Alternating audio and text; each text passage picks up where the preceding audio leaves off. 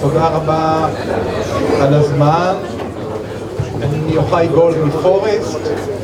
פורסט, אה, גוף פשוט, גוף שממוקד לחלוטין בישראל. אה, אנחנו מאמינים שזה מה שאנחנו יודעים לעשות. אנחנו אה, גוף מוטה מחקר. מה זה גוף מוטה מחקר? בדרך כלל זה אומר להיפגש עם החברות אה, ו... ו... ולחקור חברות, שיש שני שאלות שאנחנו שואלים, האם החברה תחזיר את האיגרת חוב, במקרה שזה איגרת חוב, או האם זה מישהו שאני רוצה להיות שותף שלו, במקרה שאני מסתכל על זה כמניה. זה רוב העבודה שלנו, אנחנו נפגשים עם חברות, אנחנו עושים את זה כבר הרבה מאוד זמן, אבל במקביל יש לנו גם בדרך כלל החלטת מקרו, אחת או שתיים בשנה. אנחנו לא גוף שמסתכל על גרפים של מקרו כלכלה ומשנה את, ה... את ההחלטות שלו באופן תדיר. אה, כמעט, זה לוקח, פעם בכמה שנים אנחנו משנים איזושהי אה, החלטה על בסיס מקרו. בעצם זה לא כל כך אכפת לנו. כשאנחנו קונים מגרבת חוב, בתפיסה שלנו נתנו הלוואה לחברה ואנחנו מסתכלים על התשואה, לא מה יקרה באמצע מה יקרה בחברה. אבל יש גם החלטות מקרו, ואני רוצה אה, להציג לכם אחת מהן עכשיו, היום, אה, וגם תבינו גם את הגישה שלנו. הגישה שלנו אה, לא מייחסת חשיבות גדולה לשוק ההון. שוק ההון אה, זה משהו שמשתנה במהירות. אנחנו במחקר או בתפיסת חיים שלנו בכלל, מסתכלים על העולם הכלכלי האמיתי ומניחים ששוק ההון ייגזר ממנו, וזה תמיד קורה, אבל לא בבת אחת, לא מיד. הרבה פעמים שוק ההון נפרד מהעולם האמיתי, הוא יודע לעשות את זה לשנה, שנתיים. בסוף המציאות אה, תופסת אותך. אנחנו לא שואלים שאלות על שוק ההון, שואלים שאלות על הכלכלה. והנקודה שאני רוצה להעלות אה, כאן, זה האם אה, ישראל נכנסה למצב שבו ריבית אפס הפכה למצב של קבוע. עכשיו זו שאלה אה, חשובה מכל מיני בחינות, במיוחד אה, בשבילנו, בסוף הפרזנטציה אני אציג מה המשמעות ההשקעתית מבחינתנו, וזו שאלה מאוד מעניינת, כי בעבר זה לא היה, אבל אם אתה מסתכל אה, מה שהרבה פעמים אנשים עושים, כלומר על העתיד הקצ... אה, של החמש שנים האחרונות, אז התשובה היא חד משמעית, אה, כן, יש לנו כבר חמש שנים ריבית אפס, אז ישראל במצב של ריבית אפס באופן קבוע, אבל אחד הדברים שאני מאוד אוהב בשוק, בשוק, בתחום שלנו, זה שהעבר אומר מעט מאוד. אתה כל הזמן מסתכל קדימה ואין לך הנחות. העובדה שמשהו עשה משהו בעבר לא אומר את זה, לא מחייב אותו, בסדר? המציאות לא התחייבה, ולכן זה לא משנה מה היה, אנחנו צריכים להתמודד עם השאלה הזאת עכשיו, ולקבל החלטות על בסיס זה. ואחד הדברים שמעניינים פה, אם אתה מחפש אה, אה, אה, דוגמה, זה אפשר היה לקרוא להרצאה הזאת, האם ישראל יפן. למה? מכיוון שיפן זה המדינה היחידה שריבית אפס היא אכן מצב קבוע בה. עכשיו, אה, כולם מכירים את הביטוי הזה זמן ארוך בכלכלה, כן? לפעמים גם טיפול פסיכולוגי אומרים לך זמן ארוך. מה זה זמן ארוך? עד אין סוף. אז לא, עשרים שנה זה אה, אין סוף בכלכלה. כלומר, מצב אה, מסוים שהחזיק עשרים שנה הוא מצב קבוע. אין דבר כזה, גם אם זה ישתנה עוד 30 שנה, כבר הייתה תקופה, תקופה כלכלית שלמה שיש ריבית אפס אה, ביפן. אם בן אדם עושה קריירה ומחכה 25 שנה שמשהו ישתנה, הקריירה שלו היא חלשה מאוד, אבל גם למשקיע יפני זה לא משנה, 25 זמן, שנה זה אין סוף. אז יפן היא דוגמה, והדוגמה היחידה של אה, מדינה שיש בה ריבית אפס כמצב של קבע. וזה אה, שווה להסתכל על המאפיינים של המדינה. ואחד הדברים המעניינים שמיד מדברים עליו, ומאוד, אה, והוא נושא מרכזי היום, למרות שיש ריבית אפס ביפן, אין אינפלציה. עובדתית, מאז, מאז שנות, תחילת השנות התשעים, ביפן אין אינפלציה. על פי התיאוריה הכלכלית, הריבית אפס אמורה לעודד אינפלציה, ביפן זה לא עבד. למה? זו התשובה. אף אחד לא מוריד את הריבית אפס בשביל להוריד את הריבית לאפס. יש לזה איזושהי סיבה. סיבה ביפן, והסיבה בכל מקום שעושים את זה, זה האטה כלכלית. הרעיון של הורדת הריבית זה עידוד הכלכלה. ביפן אפשר להגיד באופן חד משמעית זה לא עבד. המיתון היפני, יש לו כל מיני סיבות, הריבית זה לא אחת מהן. הריבית אה, לא עודדה את הפעילות הכלכלית ביפן בכלל. כלומר זה היה כישלון, המיתון נמשך, ולכן אפשר להשאיר את הריבית אה, ברמה אפסית, מכיוון שהמיתון הוא הרבה יותר חזק מכל דבר אחר, והוא מבטיח שלא תהיה אה, אה, אינפלציה ביפן. עוד משהו מעניין מבחינת שוק ההון, זה שאם יש מיתון ממושך, מניות הן רעיון רע. אה, ביפן, עוד פעם, בניגוד גמור לתיאוריות, זמן ארוך, מניות נותנות תשואה גרועה. אין ספק, בכל מקום שבו אה, לא יהיה צמיחה כלכלית ויהיה איזושהי אפילו התכווצות כלכלית, מניות יהיו, אה, יהיו רעיון רע. מי שזוכר כאן, לפני 20 שנה מותגים יפנים היו דברים מאוד חזקים, דברים עולמיים, חלק מהם ממש נעלמו, ממש פשטו את הרגל. וזה מתבטא בשוק המניות ה- היפני. אה, הדברים הם קונסיסטנטיים. יש מיתון, מניות לא, לא עובדות, אין אינפלציה, ריבית אפס, לא עבד. ועוד משהו שקצת יותר מפתיע אנשים, זה מחירי הנדל"ן ביפן. אם המיתון יותר חזק מהכל, מחירי, למרות הריבית אפס, מחירי הנדל"ן ביפן ירדו לרמה של שנות ה-80. הפרמטר של הכלכלה עצמה, הכלכלה הפיזיקלית אה, במציאות, יותר חזק הרבה, מכל דבר אחר. אז לכן, למרות שהמשכנתאות זולות ומה שאתם לא רוצים, הנדל"ן ב, ביפן בשפל. מה עוד הריבית לא עשתה? זה משהו שאני אתייחס אליו כמה פעמים, זה עושה לי חרר, אני משתמש במילה הזאת. אה, אני נדהם שאנשים אה, מניחים שיש קשר טכני בין הריבית לשאר החליפין.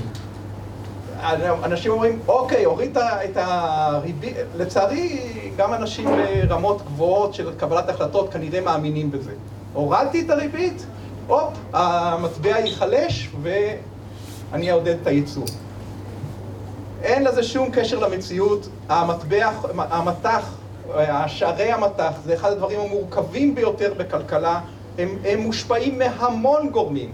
ריבית זה רק אחד מהם, ורחוק מלהיות הכי חשוב בהם.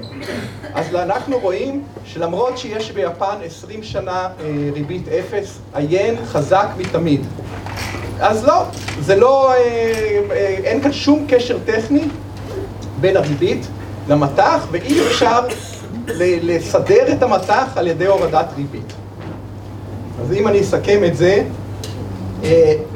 מאמצע שנות ה-90 יפן נמצאת במיתון, המיתון הזה אין לו, הסיבה שלו היא לא מוניטרית, היא לא קשורה לריבית. הבנק אוף ג'פן הוריד, את, זה, הוריד את הריבית לרמת אפס, זה מה שהוא יכול לעשות, יותר הוא לא יכול לעשות, והאינפלציה לא, לא, לא קראה, ובעיות נשארו. אז זה יפן. ומה בישראל? אז אכן מ-2014 אמ, אנחנו רואים ריבית אפסית בישראל, אבל אין מיתון. אתם רואים כאן באדום את שיעורי הצמיחה של ישראל. אה, שמתי גם את אה, שיעורי הצמיחה באיחוד האירופאי, כי תמיד שואלים את זה. אם הייתי נותן כאן אה, הרצאה על האיחוד האירופאי, הוא הרבה יותר דומה ליפן. ישראל לא דומה בכלל. אתם רואים שהשיעורי צמיחה הם פחות או יותר קונסיסטנטיים. הם לא השתנו בצורה דרמטית בשנים האחרונות, לא לכאן או לא לכאן. הם לא גבוהים כמו, כמו שהיו בעבר, אבל הם בהחלט, הם בהחלט אה, אה, סבירים. ובאמת במציאות בארץ אין מיתון בשום צורה ואופן. אפשר לראות את זה במניות. במניות התיאוריה עובדת. מהמניות בארץ, אין מיתון, יש צמיחה כלכלית, מניות באופן כללי זה טוב.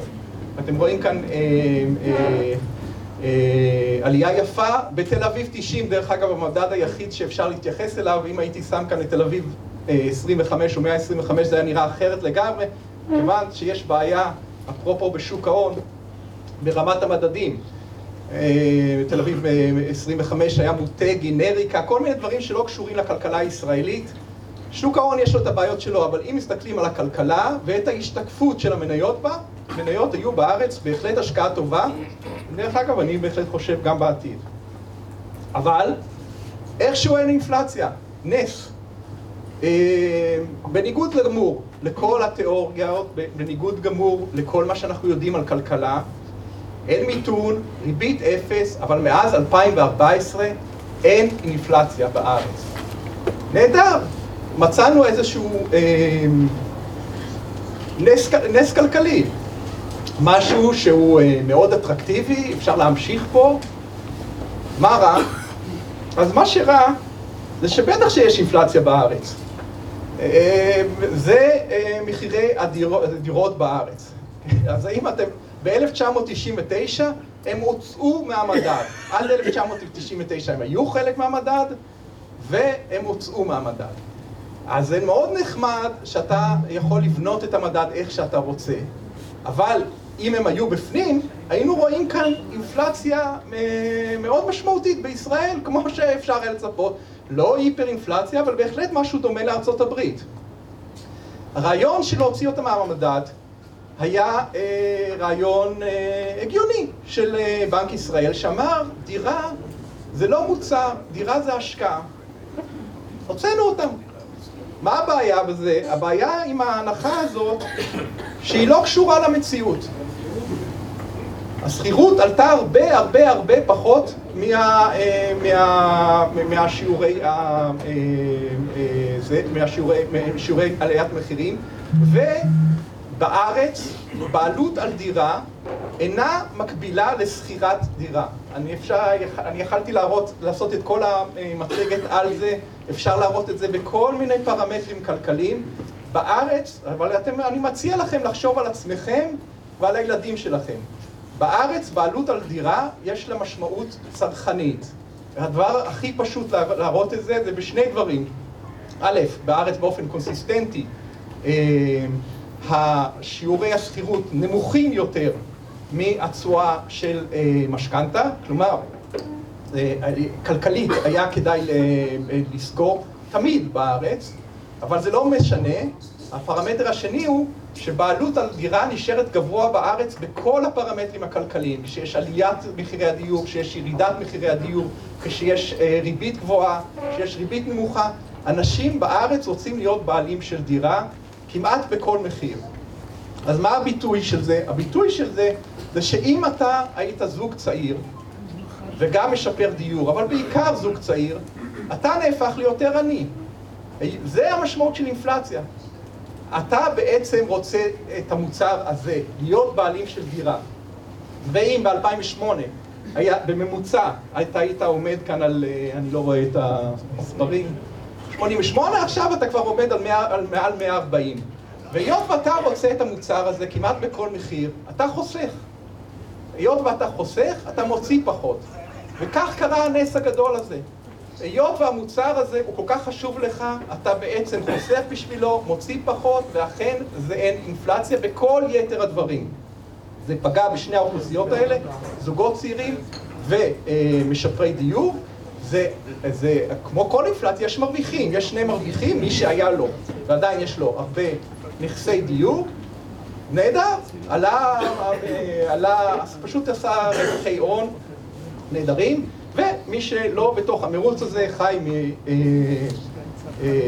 מקצבאות אה, ממשלתיות אחרות כאלה ואחרות, גם כן הרוויח יפה, הוא לא שייך לזה. אבל הקבוצה הזאת של זוגות צעירים קבוצה חשובה מבחינה כלכלית. אני לא חושב שמישהו אה, רצה באמת לפגוע בהם, זה מה שקרה. אה, מה שעוד חשוב, מאז 2016 זה נבלם. המספרים הגיעו למספרים מאוד גבוהים, אבל שום תהליך כלכלי הוא לא אינסופי, וגם פה הגענו לאיזשהו פלטו, פלטו מאוד גבוהה, אבל פלטו. זה אומר שמעכשיו והלאה אה, הדבר, הכסף ילך גם למקומות אחרים. דרך אגב, אם למישהו היה ספק, אז כמובן, אני שמתי כאן לכבוד יפן איזה אנימי, ברור שהריבית לא טיפלה בדולר, אנחנו רואים את הדולר בסוף 2014 3.93, הוא עכשיו 3.48, בזמן שהריבית עלתה בארצות הברית ופה ירדה, אבל מול היין, שהריבית פה היא אפס, דווקא אה, אחד המטבעות היחידים ששמר על כוחו אה, אה, מול, השקל. אז סיכום ישראל, אה, יש אינפלציה בארץ. אה, זה מה שאנחנו מאמינים. התמקדה במחירי הדיור, כלכלה טובה, היה לאנשים יותר כסף, הם יפנו את זה לשם, לא, לא לצריכה כמו שחשבו, כי זה חלק מהצריכה שלהם, ובהחלט פגע בזוגות הצעירים שבתקופה טובה, שהם היו אמורים להיות במצב מאוד טוב, בסופו של דבר הם אה, הפכו לקצת יותר עניים, אבל המגמה הזאת היא, אין, היא לא אינסופית, ואנחנו חושבים שהיא מיצתה את עצמה. אז, אז איפה זה מתבטא בשוק ההון? בסופו של דבר, מה המשמעות בשביל זה, בשבילנו? פה. כרגע שוק ההון הישראלי מאמין ב, ברובו הגדול שהפוך ממה שאני כרגע הצגתי. כלומר, שהריבית אפס היא כאן כדי להישאר. תשואת אג"ח ממשלתי ארוך של מדינת ישראל ירדה מאחוז. ההיגיון היחיד להחזיק בנייר כזה זה אם אתה חושב שאחוז זה מצוין, לאורך זמן, אני מדבר איתכם כאן כמעט עשר שנים, זה מה שאתה יכול להשיג. או לחילופין, שאתה מאמין שאתה סוחר, זה יעלה, התשואה תרד, בעצם המחיר הוא הפוך לתשואה, כלומר, השנה אנחנו ראינו עלייה גבוהה במחיר וירידה, בצ... המשמעות של הירידה בתשואה, אז אתה מאמין שזה ימשיך לרדת ואתה תדע למכור את זה בזמן לפני שזה אה, יעלה אחר כך בחזרה. אני קצת יותר מ-20 שנה בשוק ההון, מה לעשות, השנים עוברות. לא פגשתי עדיין מישהו שיודע לעשות את זה, אבל הרבה מאמינים, ואולי יש. אנחנו לא יודעים לעשות את זה. אז אנחנו רואים את העסק הזה כמאוד מאוד לא אטרקטיבי. ואני מזכיר לכם, זה נכס הגדול ביותר כרגע מבחינת שווי בשוק ההון. אנחנו חושבים שבמקרה הטוב אתה תראה אחוז, ואחוז לא צמוד, זה לא משהו אטרקטיבי בכלל. אז מה התחזית שלנו? אנחנו חושבים שמתישהו אנחנו נראה את האינפלציה חוזרת, אני לא יודע להגיד לכם בדיוק מתי, זה יכול להיות חודש הבא, זה יכול להיות עוד שנתיים. הציפיות השתנו, הרבה פעמים אנשים באים ואומרים לי מתי בנק ישראל אה, יעלה ריבית. לא יודע, זה לא חשוב, זה לא, זה לא הנקודה. מה שמניע את שוק ההון זה לא אה, בנק ישראל כך או אחרת, אחרת היה לו חיים מאוד קלים, אלא ציפיות. ציפיות משתנות בן רגע. בתחילת השנה אה, הציפיות היו אה, שאחרות, אה, שיהיו אינפלציה, השתנו. מכאן היה כל, העלייה הזאת בשוק איגרות החוב הממשל, הממשלתי. זה ציפיות, משתנות בין רגע, אני לא יודע להגיד לכם. צריך לזכור, הן לא קשורות למה בנק ישראל יעשה או לא יעשה. הוא, היות והוא, כמו בנק אוף ג'פן, הוריד את הריבית לכמעט לאפס, הוא כבר לא שחקן חשוב בשוק ההון. ועליית תשואות לפדיון בשוק אגרות החוב הממשלתיות. עוד פעם, דבר שיכול לקרות מהר מאוד, היות וראינו את התהליך הפוך קורה בתוך חצי שנה, זה משהו מאוד דרמטי. למה זה כל כך חשוב? מכיוון שהבעיות בשוק ההון, הבעיות האמיתיות בשוק ההון קורות כשאנשים מפסידים בתחום שהם חושבים שהוא סולידי. אין בעיה, או לא בעיה דרמטית, אם קניתם מניות וירדה. מתי יש משברים? מתי שבן אדם קנה דירה פה בארצות הברית ופתאום אה, יש ירידה גדולה במחיר של נכס שהוא חשב מאוד, שהוא מאוד אה, סולידי. אותו דבר בארץ, ראינו כמה פעמים מקומות שבו אנשים האמינו שהם אה, מחזיקים משהו מאוד סולידי, הוא היה מדורג גבוה, אג"ח של IDB, אג"ח של אפריקה, ואז הנפילות הן מאוד דרמטיות מכיוון שאנשים מחזיקים, אנשים, לקוחות, בסופו של דבר לקוחות הסופיים, מחזיקים בנכסים האלה דרך קרנות נאמנות שהן מוגדרות כסולידיות. והנכס הזה, הנכס הזה אה, של אה, אג"ח מדינה ארוך, יושב באגרות, בקרנות נאמנות של אג"ח מדינה. ואג"ח מדינה זה נכס שאנחנו רגילים לראות אותו כמשהו מאוד סולידי. לכן נפילה כאן, אני לא מדבר על 20 אחוז, אלא, אבל אלא משהו שיותר גבוה מ-5 אחוז ומעלה, היא דרמטית מאוד בשוק ההון. היא מאוד משמעותית, היא יכולה להוביל לכסף שייצא, וזה בהחלט יהיה אירוע משמעותי. אז מה הסוף בשבילנו? אנחנו לא מחזיקים בזה. באופן חד וחלק ובאופן אה, גורף, בשום אה, קרן של פורסט, בשום כלי של פורסט, אין עכשיו את הנכס הזה, אג"ח מדינה ארוכה. וזה סוף אה, המצגת שלי, ובעצם המסקנה של משהו מתוך העולם האמיתי, שאל אה, עולם ההשקעות עבורנו. אני לא אומר לכם ששוק ההון, שהתשואות לא ימשיכו לרדת. זה סיפור של שוק ההון. יכולות להמשיך לרדת, בועות בשוק ההון יודעות להתנפח לממדים אדירים. אני לא הולך לא, לא לתמחר את זה או לתזמן את זה, מתי זה יקרה. אני כן אומר לכם שאני מאמין שהמציאות תתפוס את, ה, את, ה, את השוק בסופו של דבר, וזאת בעיניי המציאות. אז זהו, תודה רבה, ותודה על זמנכם.